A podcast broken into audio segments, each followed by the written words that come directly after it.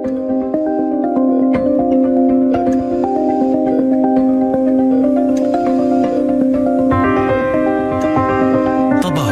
مع نشوى السكري.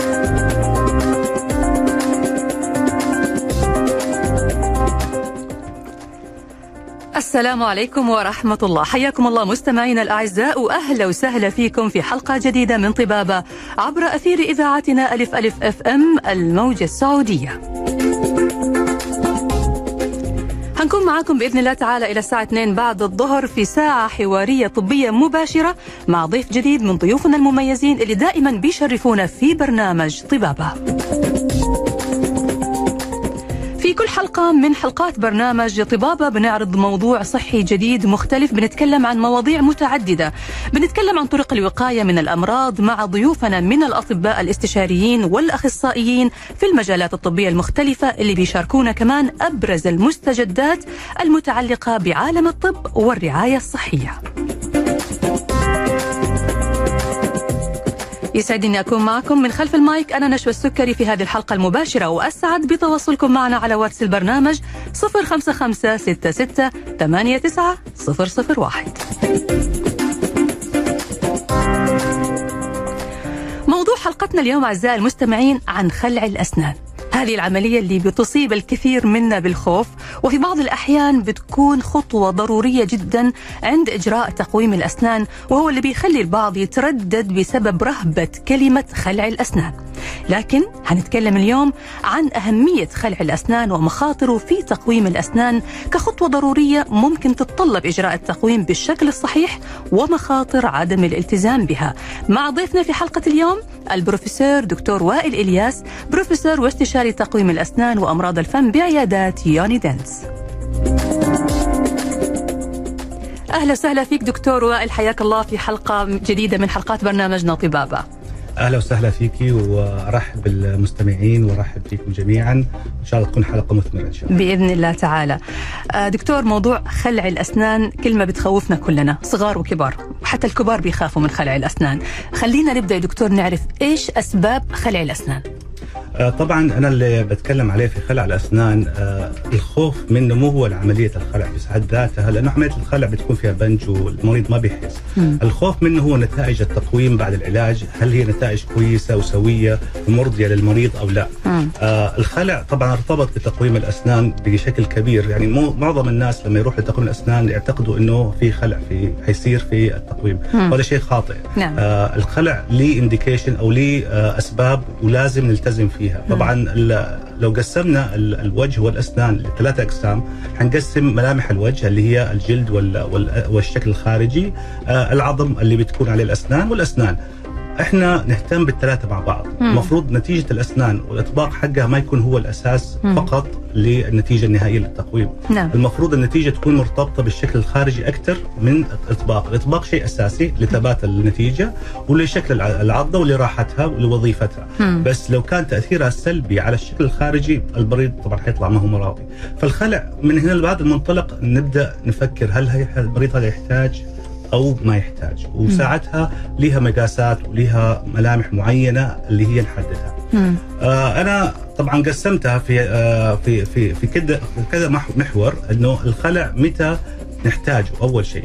يعني ليش بنسوي الخلع؟ الخلع بنسويه لأسباب كثيرة، أولها إنه يكون الفك حجمه صغير والأسنان متزاحمة وما إحنا قادرين نرص الأسنان كاملة بطريقة صحيحة لأنه آه الأسنان عددها أكبر من حجم الفك. مم. فنخلع الأسنان نقلل عددها ونرصها.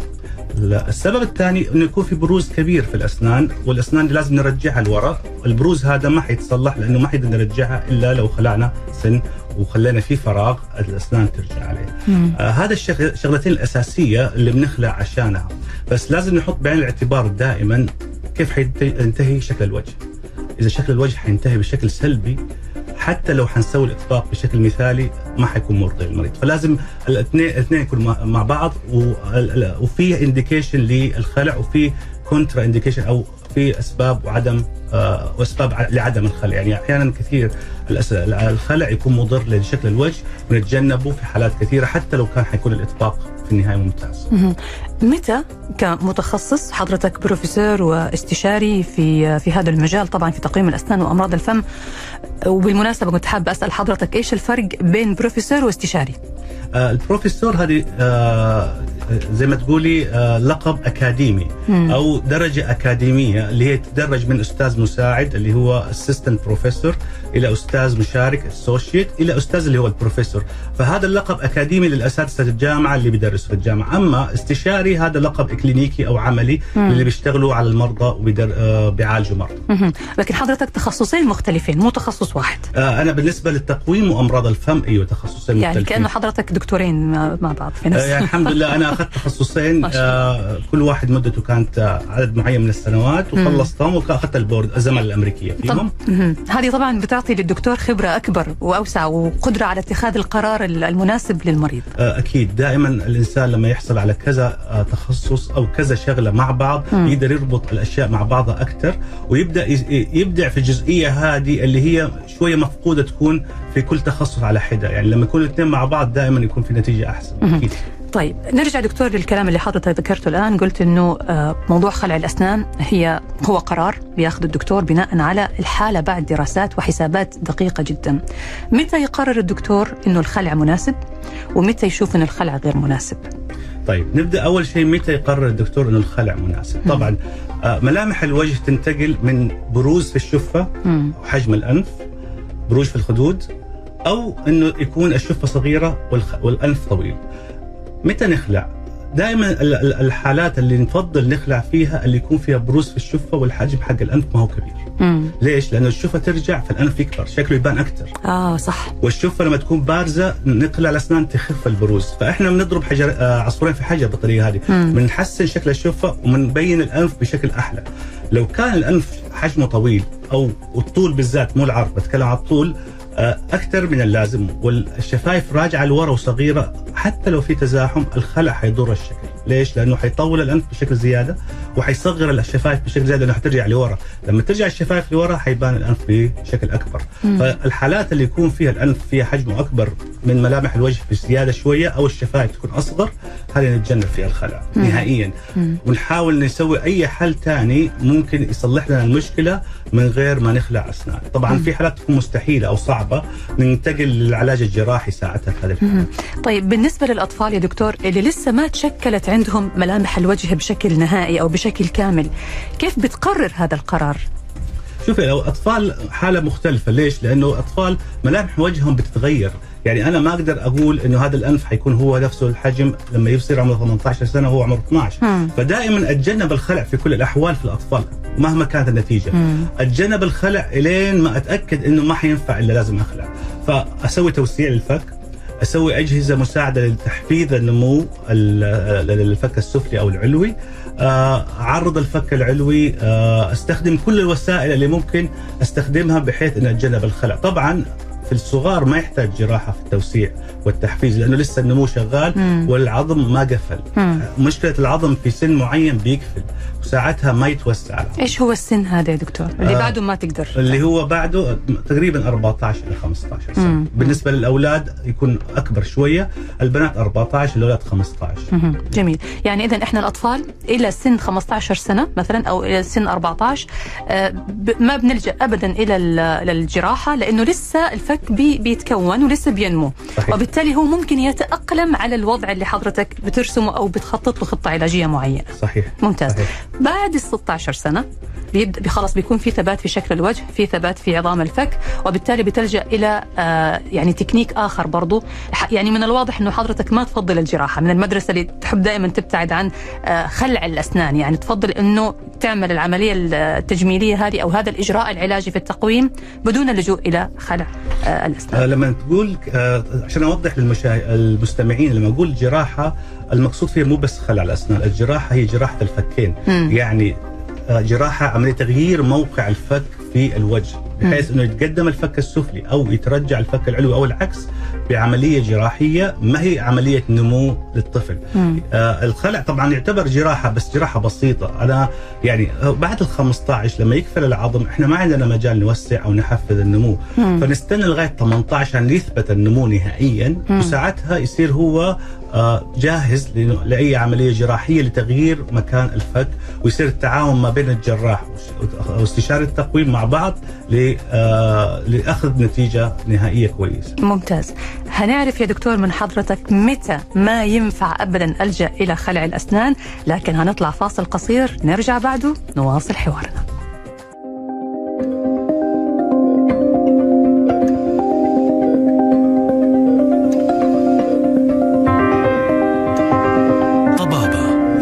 مع نشوى السكري ورجعنا لكم من جديد أعزائي المستمعين مع برنامجكم طبابة اللي بيجيكم عبر أثير إذاعتنا ألف ألف إف إم الموجة السعودية. وموضوع حلقتنا اليوم عن أهمية خلع الأسنان ومخاطره في تقويم الأسنان مع ضيف حلقتنا اليوم البروفيسور دكتور وائل إلياس بروفيسور واستشاري تقويم الأسنان وبروفيسور واستشاري تقويم أمراض الفم أيضا بالإضافة إلى تقويم الأسنان. أرحب فيك مرة ثانية دكتور وائل. أهلا وسهلا. أهلين دكتور دكتور كنا قبل الفاصل بنتكلم عن خلع الأسنان ومن المهم إنه إحنا نعرف متى لازم تخلع الأسنان ومتى ما ينفع ابدا إنه نلجأ إلى خلع الأسنان أوكي. طيب إحنا ذكرنا في المقدمة إنه خلع الأسنان آه ليها نت... آه سببين، أول سبب إنه يكون في حجم الفك وتزاحم في الأسنان، حجم الفك يكون صغير، امم تزاحم في الأسنان ما تكفي في الحجم المعطى، امم أو يكون في بروز كبير في الأسنان. نعم. إحنا لو حاولنا ما نخلع في الحالة اللي يكون فيها تزاحم والفك يكون حجمه صغير الأسنان حتطلع برا العظم. وحيصير ساعتها الأسنان ضعيفة وممكن يفقدها المريض بعد ما نخلص تقويم مم. ليش؟ لأنه حتبدأ تترسل الاسنان بدائرة أكبر من الحجم اللي موجود عليه العظم. وساعتها العظم ما حيكفي فحتخلع الأسنان وحتطيح اسنانها. معظم اسنانها مم. آه الخلع بيخلي لنا الدائرة حقت ال- الرصة تكون شوية أصغر بحجم الفك اللي هو موجود أصلا نعم فساعتها نقدر نرص الأسنان من غير أي مشاكل ويكون السن وسط العظم. مم. آه فالحالات اللي هي لازم نخلع فيها اللي هي العظم حجم حجمه صغير ال- المريض يكون ملامح وجهه محتاجة إنه نرجع الأسنان ما نطلعها لبرا عشان يتحسن وإنه يكون في بروز كبير في الأسنان ومؤثر على الوجه. مم.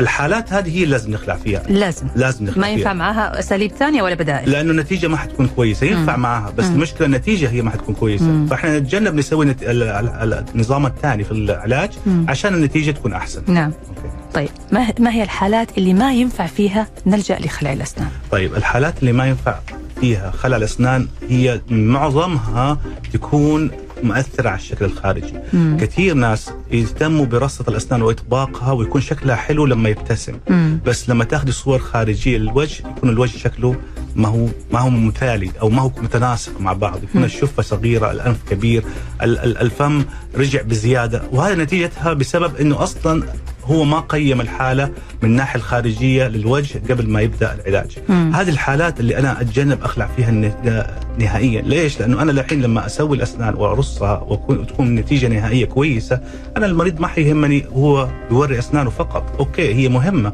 مم. حيهمني لما يكون مقفل فمه وبيطالع في الكاميرا وبيتصور وكيف شكل الوجه الخارجي مم. فإذا كان الوجه الخارجي حيخرب أنا أتجنب أخلع الأسنان نهائيا مهم. طيب سؤال برضو يا دكتور إذا قرر الدكتور أنه يخلع الأسنان إيش هي الأسنان اللي بيتم خلعها إذا تطلب الأمر يعني هذا الشيء آه، غالبا الأسنان هي مثالية للخلع هي الضواحك، الضواحك يجي منها سنتين في كل جهة، مم. نخلع واحد منهم لأنه في سنة ثانية مقابلها ويكون حجمها صغير صغير ما نحتاج أكثر منها، مم. فغالبا الضواحك في كل جهة من جهات الفم هي اللي بتنخلع وأكثر الأحيان يا الأول يا الثاني، فعلى حسب الحالة. ولازم يا دكتور يتم خلع آه، سن أو ضرس من الناحية اليمين وأيضا من الناحية المقابلة من اليسار آه، غالبا برضو زي ما بقول الحالات اللي يكون فيها منتصف الأسنان مظبوط مم. نخلع في الجهتين. مم. آه، في حالات لا يكون منتصف الأسنان أصلا رايح لليمين فنخلع في اليسار بس ساعتها. نعدل المنتصف مع الخلع في حالات تكون العكس. اليمين آه هو اللي نحتاج نخلعه عشان نعدل من اليسار لليمين.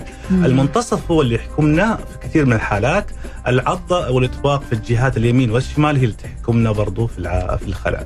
آه بس معظم الحالات اللي يكون المنتصف مظبوط نخلع الجهتين ما ينفع نخلع جهة واحدة. مم. يعني هي في النهاية مبنية على آه، معايير هندسية وتجميلية دقيقة جدا. بالضبط. هي تقويم الأسنان عامل زي الهندسة وشوية ميكانيكا يعني مع مع مع حفظ الألقاب. مع تجميل. مع تجميل ما شاء الله. جامعة.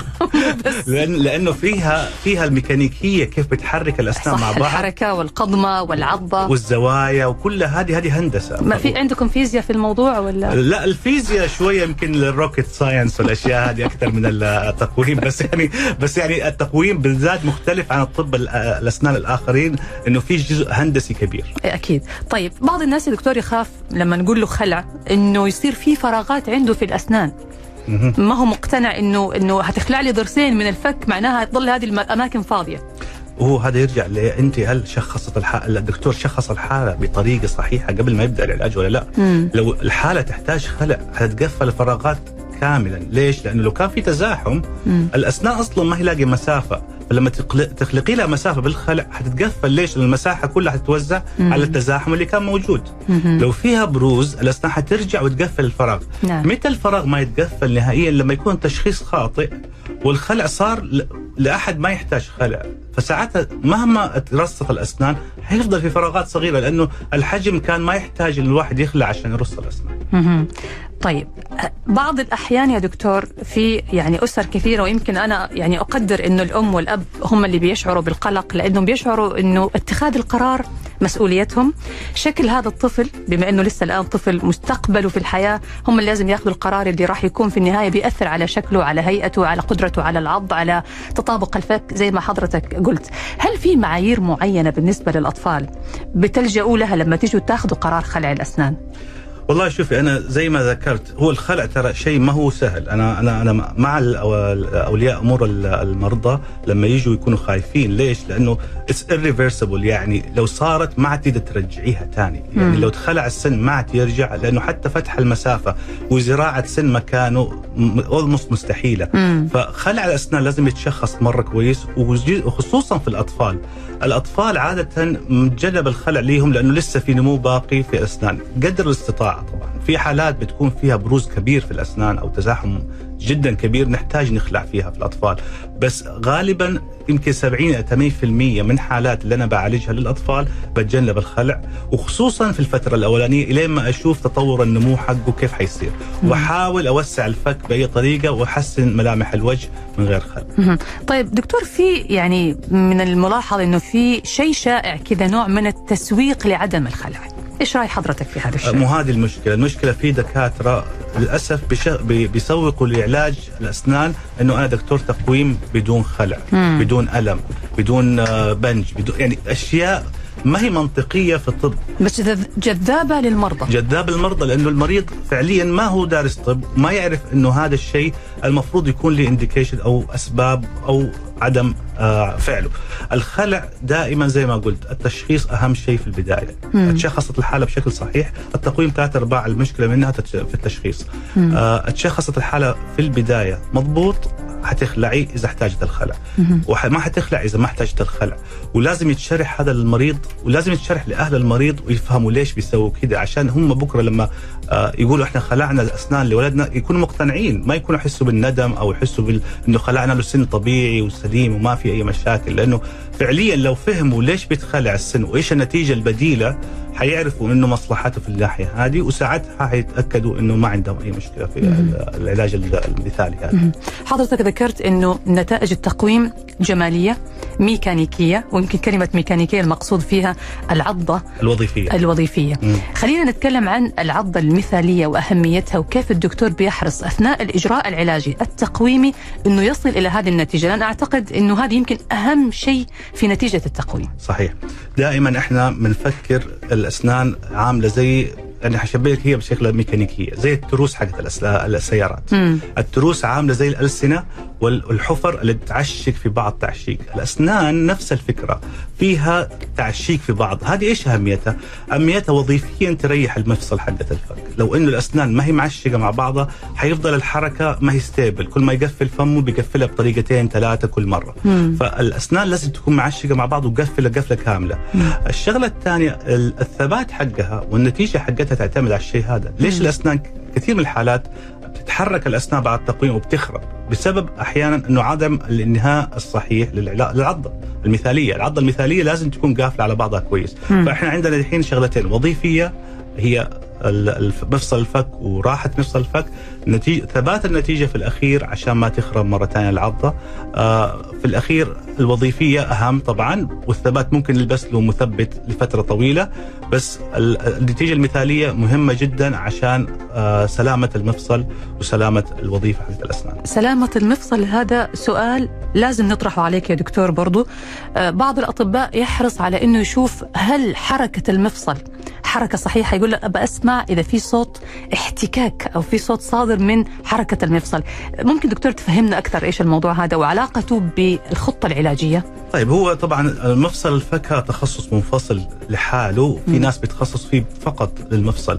إحنا طبعا في تقويم الأسنان أخذنا جزء منه. آه المفصل عامل زي كل مفاصل الجسم زي مفصل الركبة for example أو كمثال. آه المفصل الركبة فيه غضروف في النص وفي عظمتين ب- فوق الغضاريف هذه.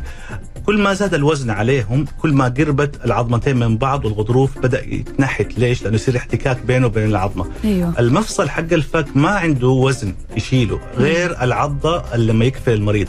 فكل ما قفل بطريقة قوية وخاطئة كل ما ال- ال- العضة صارت على المفصل بطريقة غير سليمة كمان والغضروف آه، تبدأ يتآكل الغضروف ويبدأ يبدأ يصير له مشكلة ويبدأ آه، الصوت يطلع مع القفلة والفتحة بسبب ال- ال- التآكل هذا مم. الشغلة الثانية أحيانا ما بينتبهوا لها الأولاد أو الكبار حتى إنه بيجلسوا أحيانا بالفصل أو في العمل أو على الكمبيوتر بطريقة مو مضبوطة لفترة طويلة بحيث إنه يتكوا على مفصل أكثر من الثاني.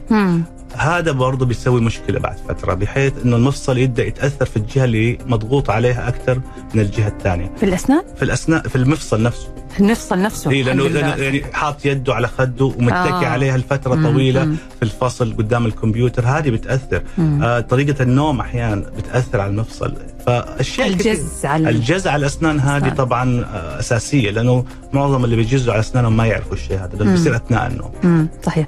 طيب إحنا حلقتنا مستمرة دكتور الوقت مع حضرتك قاعد يمر بسرعة شديدة جدا لكن هنواصل حوارنا علشان نعرف أنواع التقويم وتأثيرها على الخطه العلاجية لكن بعد ما نطلع فاصل قصير نرجع بعده لحلقتنا ببرنامج طبابة. شكرا لك.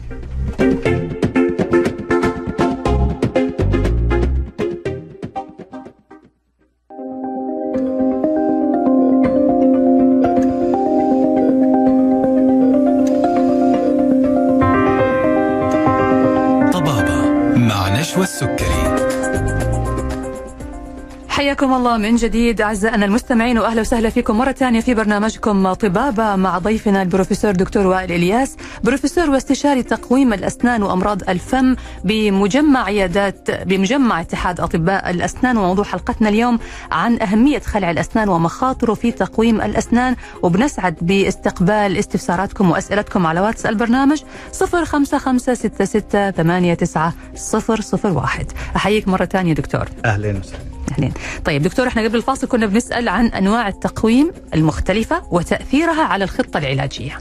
طيب آه طبعا التقويم ما هو شيء واحد. كثير من التقويم مختلف من ناحيه التقنية من ناحية طريقة الاستخدام من ناحية المناطق. في مناطق بيستخدموا يعني في أوروبا مثلا بيستخدموا تقويم بشكل معين في أمريكا بشكل آخر في شرق آسيا بشكل ثاني. وحسب كل دكتور هنا كيف تعلم وكيف تدرب هي عاملة زي السيارات. أنا أنا اشبهها أنا أحب أشبه الأشياء ببعض. آه، لما أنا أتعود أسوق سيارة معينة حابدع في السواقة وحتلاقيني بسوقها بسلاسة. جيبي لي سيارة جديدة أول مرة أسوقها حتلاقيني حتى لو سيارة فخمة وسيارة كويسة ما حقدر أتقن السواقة فيها. بالضبط. فأنا مؤمن إنه كل واحد يتعلم بتقنية معينة يتعلم بت... عشان يوصل نتيجة واحدة مم. زي ما يقولوا كل الطرق تؤدي إلى روما إلى العلاج المثالي العلاج النتيجه المثالي. المثاليه إيه. فهو إحنا بالأخير ما بنتكلم على آه إيش التقويم هو التقويم ما بيشتغل لحاله هو مم. التقويم عبارة عن طبيب بيستخدمه عشان يطلع بنتيجة كويسة مم. التقويم ممكن يكون تقويم حديد ممكن يكون بورسلان ممكن يكون تقويم شفاف القوالب الشفافة ممكن يكون تقويم يكون اللي هو من غير مطاط في أنواع مختلفة جدا كلها بتأدي لك نفس الغرض. إذا الدكتور متقن التقنية هذه والدكتور هو اللي بيختارها على حسب ما يعرف يشتغل في إيش. يعني أنا مثلا آه، مش بشتغل في نوعين ثلاثة. هذه النوعين الثلاثة لي سنين بشتغل فيها حطلع نتائج مرة كويسة فيها. جيبي لي نوع جديد يمكن أحتاج وقت حتى أبدأ أبدع فيه زي ما كنت ببدع في الأولاني. بس في الأخير حعرف أسوي إن شاء الله. ليش؟ لأنه التقنية تتشابه مع بعضها. فاللي يسوقوا برضو هذه الكلمة الثانية لنوع معين من التقويم معناتها كأنه التقويم بيشتغل لحاله مو الدكتور اللي بيسير فأنا ضد الفكرة هذه. أنا مع دكتور اللي هو يخطط يحط, يحط الخطة العلاجية ويستخدم التقنية اللي تناسب شغله ويطلع بنتيجة كويسة. نو ماتر أو بغض النظر عن نوع التقويم. يعني دكتور هل خلع الأسنان يفرق مثلا من نوع تقويم لنوع تقويم آخر ولا ما له علاقة؟ ما له أي علاقة ما له أي علاقة ما له أي علاقة واللي بيسوقوا لنوع معين من التقويم إنه ما يتخلع فيه أسنان مم. هذه معلومة خاطئة بنرجع ونأكد هذه المعلومة اللي قالها الآن الدكتور وائل أنه ال- الأمور التسويقية اللي بيتم التسويق لها بأنه تركيب تقويم معين بدون خلع تقويم آه، له مميزات معينة. كل هذه أمور تسويقية دعائية الهدف منها التربح التجاري. لكن آه، تحديد الخطة العلاجية هو أمر يختص بالخبير والاستشاري المتخصص في مجال علاج الأسنان وتقويم الأسنان. شكرا دكتور على توضيح هذه المعلومة. طيب ننتقل إلى المحافظة على النتيجة آه، بعد انتهاء العلاج. يعني التقويم معروف أنه شيء بيستمر مع الإنسان وفي بعض الأحيان ممكن يصير في ارتداد للنتيجة أو يصير في انتكاس. انتكاس. ليش؟ وكيف نحافظ على النتيجة؟ طيب الأسنان دائما لما تكون متلخبطة بيكون عاملة ادابتيشن أو آه تأقلم مع ال ال ال ال ال الوضع اللي هي عليه. مم. لما تغيري لها وضعها دائما تحاول ترجع زي ما كانت أول. إيش اللي بيصير الأسنان بيناتها اربط أربطة مم. أربطة تربطها في بعض وبيناتها العظم مم. إحنا لما نحرك الأسنان وسط العظم والأربطة تبدأ تتشد تبدأ تغير اتجاهاتها الأربطة على بال ما ترجع لطبيعتها تاخذ 366 يوم. 366 يوم يعني سنة. سنة. سنة بالضبط. فإحنا لازم نثبت الأسنان بعد عملية التقويم لمدة سنة عشان تثبت ال- ال- الأربطة وترجع لطبيعتها وتصير الأسنان ما عندها قابلية يسميها recoil أو relapse ال relapse اللي يصير هو الانتكاسة إنه الأسنان تحاول ترجع زي ما كانت أول. فالمثبتات اللي بنستخدمها بعد التقويم جدا مهمة. نتيجة الإطباق. تكون ممتازة جدا مهمة. بعض الحالات تحتاج مثبتات طول العمر لازم نعرفها ولازم نستخدمها. مم. مو كل الحالات طبعا في حالات معينة اللي نستخدم فيها مثبتات طول العمر. آه غيرنا شكل ال- ال- ال- التدويره حقت الفك فراغات بشكل كبير. آه ال- ال- الفك السفلي بالذات يحتاج مثبتات طويلة الأمد مو زي الفك العلوي. مهم. فيعني المحافظه عليها بالطريقة هذه هي الأمثل مهم. عشان ما تخرب ثاني مرة. لكن مو بالضرورة أنه الشخص اللي عمل تقويم علاجي لأسنانه أو تقويم تجميلي أنه يظل يلبس المثبت هذا مدى الحياة. هي حالات حالات. حالات وحالات. في حالات يبدأ يلبسها بس في الليل مدى الحياة. مم. في حالات يلبسها لفترة ويوقف. وأنا دائما أعلم المريض كيف يعرف. إنه خلاص ما عاد تحتاج المثبت هذا مم. في لها طريقة أوريه هي وأشرح له هي هو بنفسه حيعرف إنه أنا خلاص وصلت. لمرحلة ما عاد تحتاج مم. ويوقف المثبت ساعتها إذا لا قدر الله ما التزم بهذه التعليمات وما لبس المثبت للفترة اللي الدكتور أو اللي حضرتك طلبتها منه؟ إيش ممكن يصير؟ يعني الأسنان ما حترجع زي ما كانت أول بالضبط. حتخرب. مم. حتخرب وحتتحرك. حتحاول ترجع زي ما كانت أول بس ما حتوصل للنتيجة السيئة اللي كانت عليه. مم. بس حتخرب عن النتيجة المثالية اللي كانت وصلت له. آه في ناس سبحان الله تخرب شيء بسيط وفي ناس تخرب بشكل كبير. وفي ناس يقول لك التقويم ما نفع معي لأنه بعد ما خلصته رجع خرب مرة ثانية. وهذا يكون سببه الأسا- الأساسي إنه ما لبس المثبت بعد التقويم. طيب بما إنه إحنا بنتكلم اليوم يعني حلقتنا بشكل رئيسي عن خلع الأسنان ومخاطره في تقويم الأسنان. آه، خلع الأسنان يا دكتور مرتبط ارتباط كبير جدا بأنسجة العظم. وهنا لازم يكون دور الدكتور إنه هو اللي يحدد آه هذا الموضوع ومتى ممكن يكون العظم يتأثر أو أنسجة العظم تتأثر بخلع الأسنان، فحابين برضو حضرتك تشرح لنا هذا الشيء. طيب التقويم عموما قبل ما يبدأ أحد علاج أي حال لازم يتأكد من ثلاث شغلات، مم. أول شغلة يتأكد الأسنان ما فيها التهابات لثويه، ما فيها تسوسات، ما فيها تآكل في العظم. التآكل في العظم هذا اللي بيكون سببه مرض في اللثة أو مرض في العظم. عشان كده إحنا كمجمع استشاري إحنا لما تيجي حالة زي كده بنعمل استشارات مختلفة وبننادي الدكتور المختص في الأشياء هذه عشان يتأكد من المعل... من الشغلة هذه قبل ما نبدأ. يتأكد ما في التهابات لثة لأنه لو كان في التهابات لثة وبدأنا نحرك الأسنان العظم حيدوب بزيادة. لو سوينا خلع حيصير مشكلة أكبر كمان وحيصير ذوبان بزيادة. حننتهي من الحالة نلاقي الأسنان مرصوصة كويس. بس كلها بتهز وقابلة انها تطيح بسهولة. مم. ليش؟ لأنه في التهابات معوله جت قبل ما يبدأ التقويم.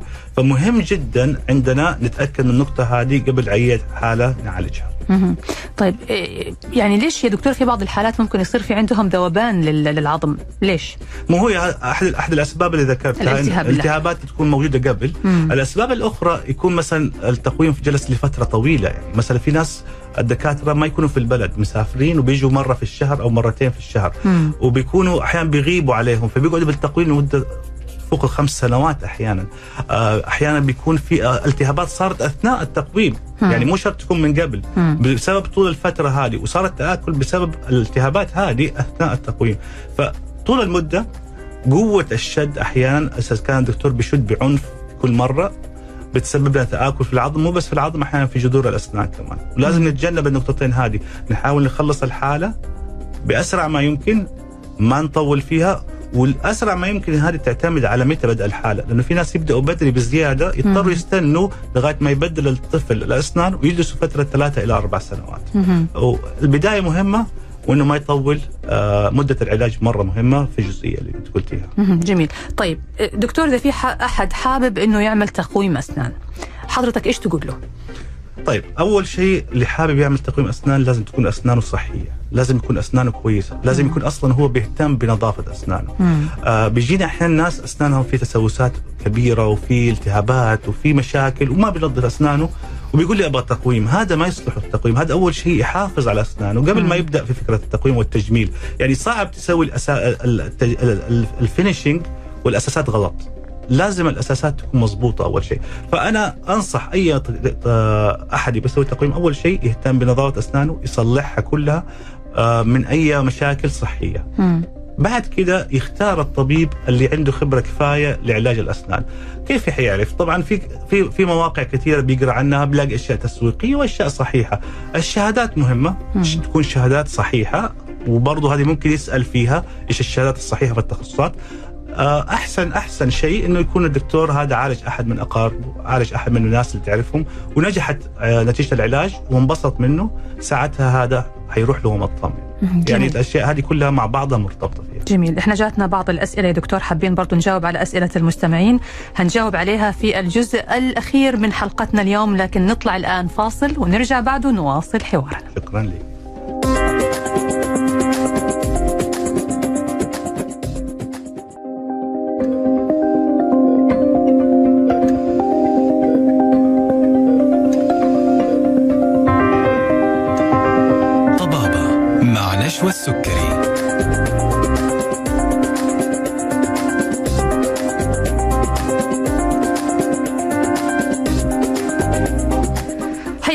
جديد. مستمعينا الأعزاء واهلا وسهلا فيكم في الجزء الأخير من حلقتنا اليوم من برنامج طبابه عبر أثير إذاعتكم ألف ألف FM الموجه السعودية مع ضيف حلقتنا البروفيسور دكتور وائل إلياس بروفيسور واستشاري تقويم الأسنان وأمراض الفم وموضوع حلقتنا اليوم عن أهمية خلع الأسنان ومخاطره في تقويم الأسنان. وبنستقبل أسئلتكم واستفساراتكم على واتس البرنامج 05566 89 001 برح- برحب فيك مرة ثانية دكتور.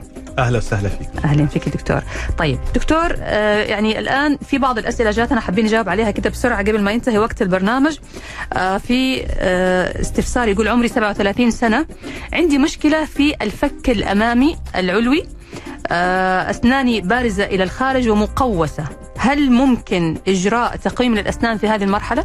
آه، التقويم ما يعتمد على العمر. آه، نبدأ فيها بالطريقة هذه إنه يعتمد على صحة الأسنان واللثة والعظم. إذا كانت الأسنان واللثة صحيحين العمر ما هو ما يفرق معنا. آه، بالنسبة ل 37 سنة عشان تقوس الفك يعني هو تقوس الفك أعتقد اللي فهمته من الجملة هذه إنه فكه ضيق. وبارزه الأسنان بسبب الشيء هي هذا. اخر كده يعني دوران. دو- بالضبط. فهو إذا الفك ضيق لازم نوسع الفك. إذا مم. آه، وجراحيا نوسع ما نوسعه من غير جراحة. مم. إذا الفك مو ضيق وفي بروز فقط نخلع ونرجع الأسنان. طيب دكتور توسيع الجراحي. حضرتك تقصد فيه توسيع الفك الجراحي هذا اللي هو آه، أجهزة معينة بتتركب ولا جراحيا كيف بيتم يعني؟ هو جهاز التوسيع هو واحد اللي يستخدم في الصغار هو نفسه يستخدم في الكبار. اللي يفرق عليه لما يكبر الواحد إنه العظم في سقف الحلق يقفل. أو مم. يلحم نسميه إحنا. عشان نقدر نوسع لازم اللحام هذا أو القفل هذا تفك. يجي الجراح في عملية حقت اليوم الواحد يفك لي اللحام اللي هو لحمه العظم في سقف الحلق مم. وأنا أبدأ أوسع بالجهاز الطبيعي اللي بستخدمه في أي عمر مم. وبس وبعد كده يتوسع ويبدأ يلئم الجرح مرة ثانية بالشكل الجديد اللي هو توسع فهو بس يفك لي اللحام اللي قفل مع العمر وأنا أكمل الشغل بعد كم ياخذ وقت يا دكتور؟ آه، ما تاخذ زي زيادة هي المعدل التقويم عادة من سنة إلى سنة ونص إلى سنتين ماكسيموم. آه، في الحالات اللي زي فيها توسيع حتزيد شهر أو شهرين فقط يعني بس الجهاز حق التوسيع ياخذ شهر أو شهرين فقط أنا توقعت أنه ممكن كمان يوصل لمدة سنة لا التوسيع في العكس التوسيع جدا سريع آه. ما ياخذ وقت وخصوصا لما يكون جراحيا يعني حتى إحنا نوسعه كل أسبوع آه، ونشوف المريض كل أسبوع ساعتها مو كل آه، شهر. هل هو مؤلم؟ آه، الجراحة فيها تخدير وفيها تنفخات بتصير بسيطة مم. الألم ما بيكون مستمر. إذا كان في ألم بيكون ألم الشد أحيانا مم. وبيكون ألم بسيط يعني ما بيكون ألم اللي هو يبدأ يصحى منه من الليل في الليل أو ما ينام منه. محتمل. محتمل. مسكنات عادية تكفيه مهم. بس الألم بيكون بيكون في البداية وبعد كده بيتعود هو الشخص. بالضبط بالضبط. جميل. طيب في سؤال برضو جانا من مستمع آه، كريم يقول في كثير من الأحيان أشعر بتعب عضلات الفك لأكتشف أنني دون وعي مني أعض بقوة على الأسنان. فكيف أتخلص من عادة الجز اللا إرادي على أسناني؟ طيب هو شوفي العضلات وألم العضلات إحنا زي ما كنا بنقول إنه كيف أعالج الصداع، الصداع مم. لازم يكون له أسباب،. يكون مثلا أسباب في النظر، أسباب في الاوعيه الدموية، ضغط الدم، نفس الشيء ألام الم- الوجه، إيش سببه؟ التوتر،. يجز على أسنانه لازم ينهي التوتر، مم. عنده مشكلة في المفصل والإطباق لازم يصلح المفصل أو يصلح الإطباق. أغلب الناس وأغلب المشاكل اللي بتكون موجودة التوتر وبتصير أحيانا في أوقات معينة في السنة أثناء الاختبارات مم. آه واحد متوتر في شغله آه امرأة حامل في آخر فترتها وبتكون متوترة من الحمل آه التوتر هو اللي بيصير آه بيكون بسبب الأشياء هذه، إذا التوتر هذا فترة مؤقتة بنعالجه مؤقتا بأشياء زي آه عضة ليلية أو شيء يرخي العضلات لغاية ما ينتهي. إيش العضة الليلية هذه؟ العضة الليلية هي زي القالب بيلبسه أثناء النوم عشان بدل ما يعض على أسنانه بيعض على بلاستيك، مم. البلاستيك بيمنع إنه الأسنان بكا- بكامل قوتها على المفصل فبيخف الألم.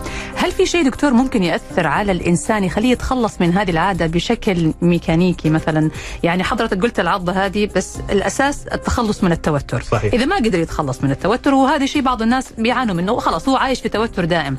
هل في حاجة معينة؟ زي الفطام مثلا اللي بنسويه للأطفال على الرضع. إنه لو سويتها للمريض بعد فترة ينسى هذه العادة؟ والله ممكن هو هو المشكلة التوتر مصاحب لكل مراحل الحياة ومن الصغار أحيانا بتكون للكبار مم. عشان ننهي المشكلة لازم التوتر ينتهي التوتر إذا ما انتهى في حلول كثيرة علاجية من ضمنها حتى إبر البوتوكس اللي بيحطوها في العضلات عشان ما تصير تشد مم. فهذه المرحلة متقدمة شوية بده إبر بوتوكس في العضلات تعمل ارتخاء تعمل ارتخاء خلي العضلات ما تقدر تشد بقوة. بالضبط. آه أنا ما أنصح فيها إذا كان عنده قدرة يتخلص من مشكلة من غيرها مم. بس إذا وصل لمرحلة متقدمة لازم يكون جزء من العلاج هذا الشيء. طيب في سؤال آخر بس برضو ما وضح الاسم يقول الفكين ما تنطبق على بعض. إيش العلاج المناسب لهذه الحالة؟ وكذا دكتور يقول لي المشكلة من التهاب الجيوب الأنفية. آه الفكين ما تطابق على بعض معناتها عنده مشكلة في العظم. العظم في مشكلة والفكين ما هم متناسقين في الاطباق مم. آه لازم ساعتها نقرر هل هو جراحيا لازم تتصلح أو بالتقويم بس أحيانا نقدر نسويها بالتقويم وتطلع نتيجة مناسبة مم. أحيانا لا لازم تدخل جراحي والفكين يتغير مكانهم مع التقويم مم. عاد الجيوب الأنفية هي السبب ما أعتقد هذه معلومة صحيحة 100% التوسيع حق الفك أحيانا بيزيد حجم الجيوب الأنفية والمجرى التنفس وبيحسن التنفس آه، بس العكس ما بيصير يعني إنه يكون الجيوب الانفيه هي سببت لنا المشكلة في ناس اللي هم بيتنفسوا من فمهم لفترة طويلة مم. من الصغر بتسبب لهم ضي- ضيق في الفك مم. بس هذه برضو بسبب السداد في مجرى التنفس أكثر ما يكون بسبب مهم.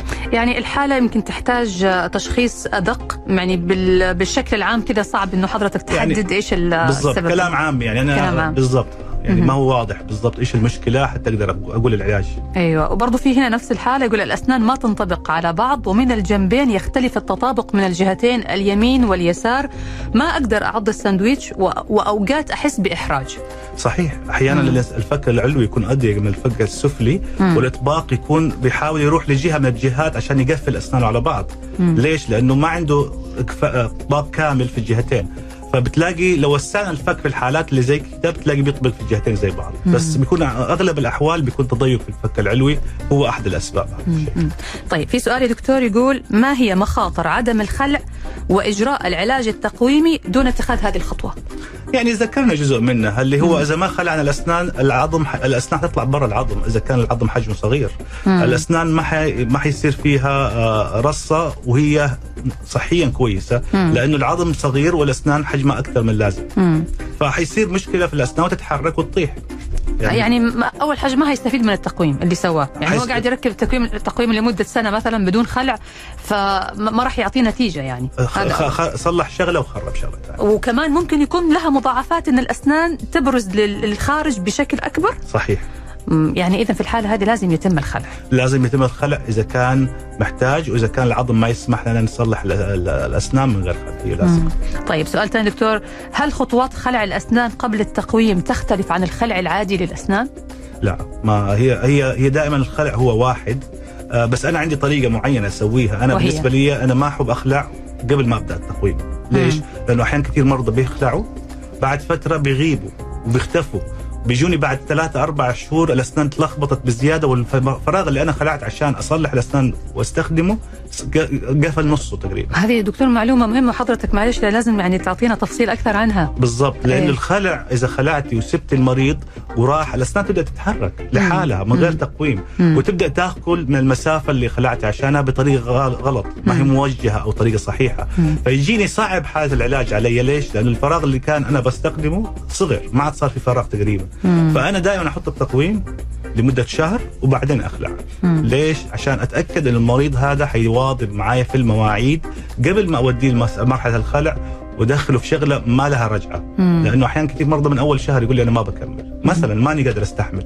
ساعتها ما ما ضيعت عليه سن وخلاص وفكيت له التقويم وراح بغير وفقد سنه بالطريقة هذه أتأكد إنه حيكمل علاج أتأكد إنه أنا استخدم المسافة بالضبط زي ما أبغاها وبعدين أخلع مهم. طيب إيش هو الوقت يا دكتور اللي بعد الخلع اللي المفروض ما يتخطاه المريض عشان يكمل التقويم أو يكمل الخطوات الإجرائية يعني؟ المفروض أكثر من شهر ما يتأخر أكثر من شهر ما يعني أقصى حاجة شهر إيه. تمام طيب آه دكتور برضو بالنسبة آه، هل هناك حل بديل للخلع؟ وإيش هي عملية توسيع الفك؟ وهل يصلح؟ إحنا تقريبا يعني تكلمنا عن هذا الموضوع بس- هذا سؤال جانا. هل يصلح للبالغين؟ وكم يستغرق من الوقت؟ التوسيع آه يستغرق إنه زي ما قلت مو مم. أكثر من شهر أو مم. شهرين بالكثير. حلو.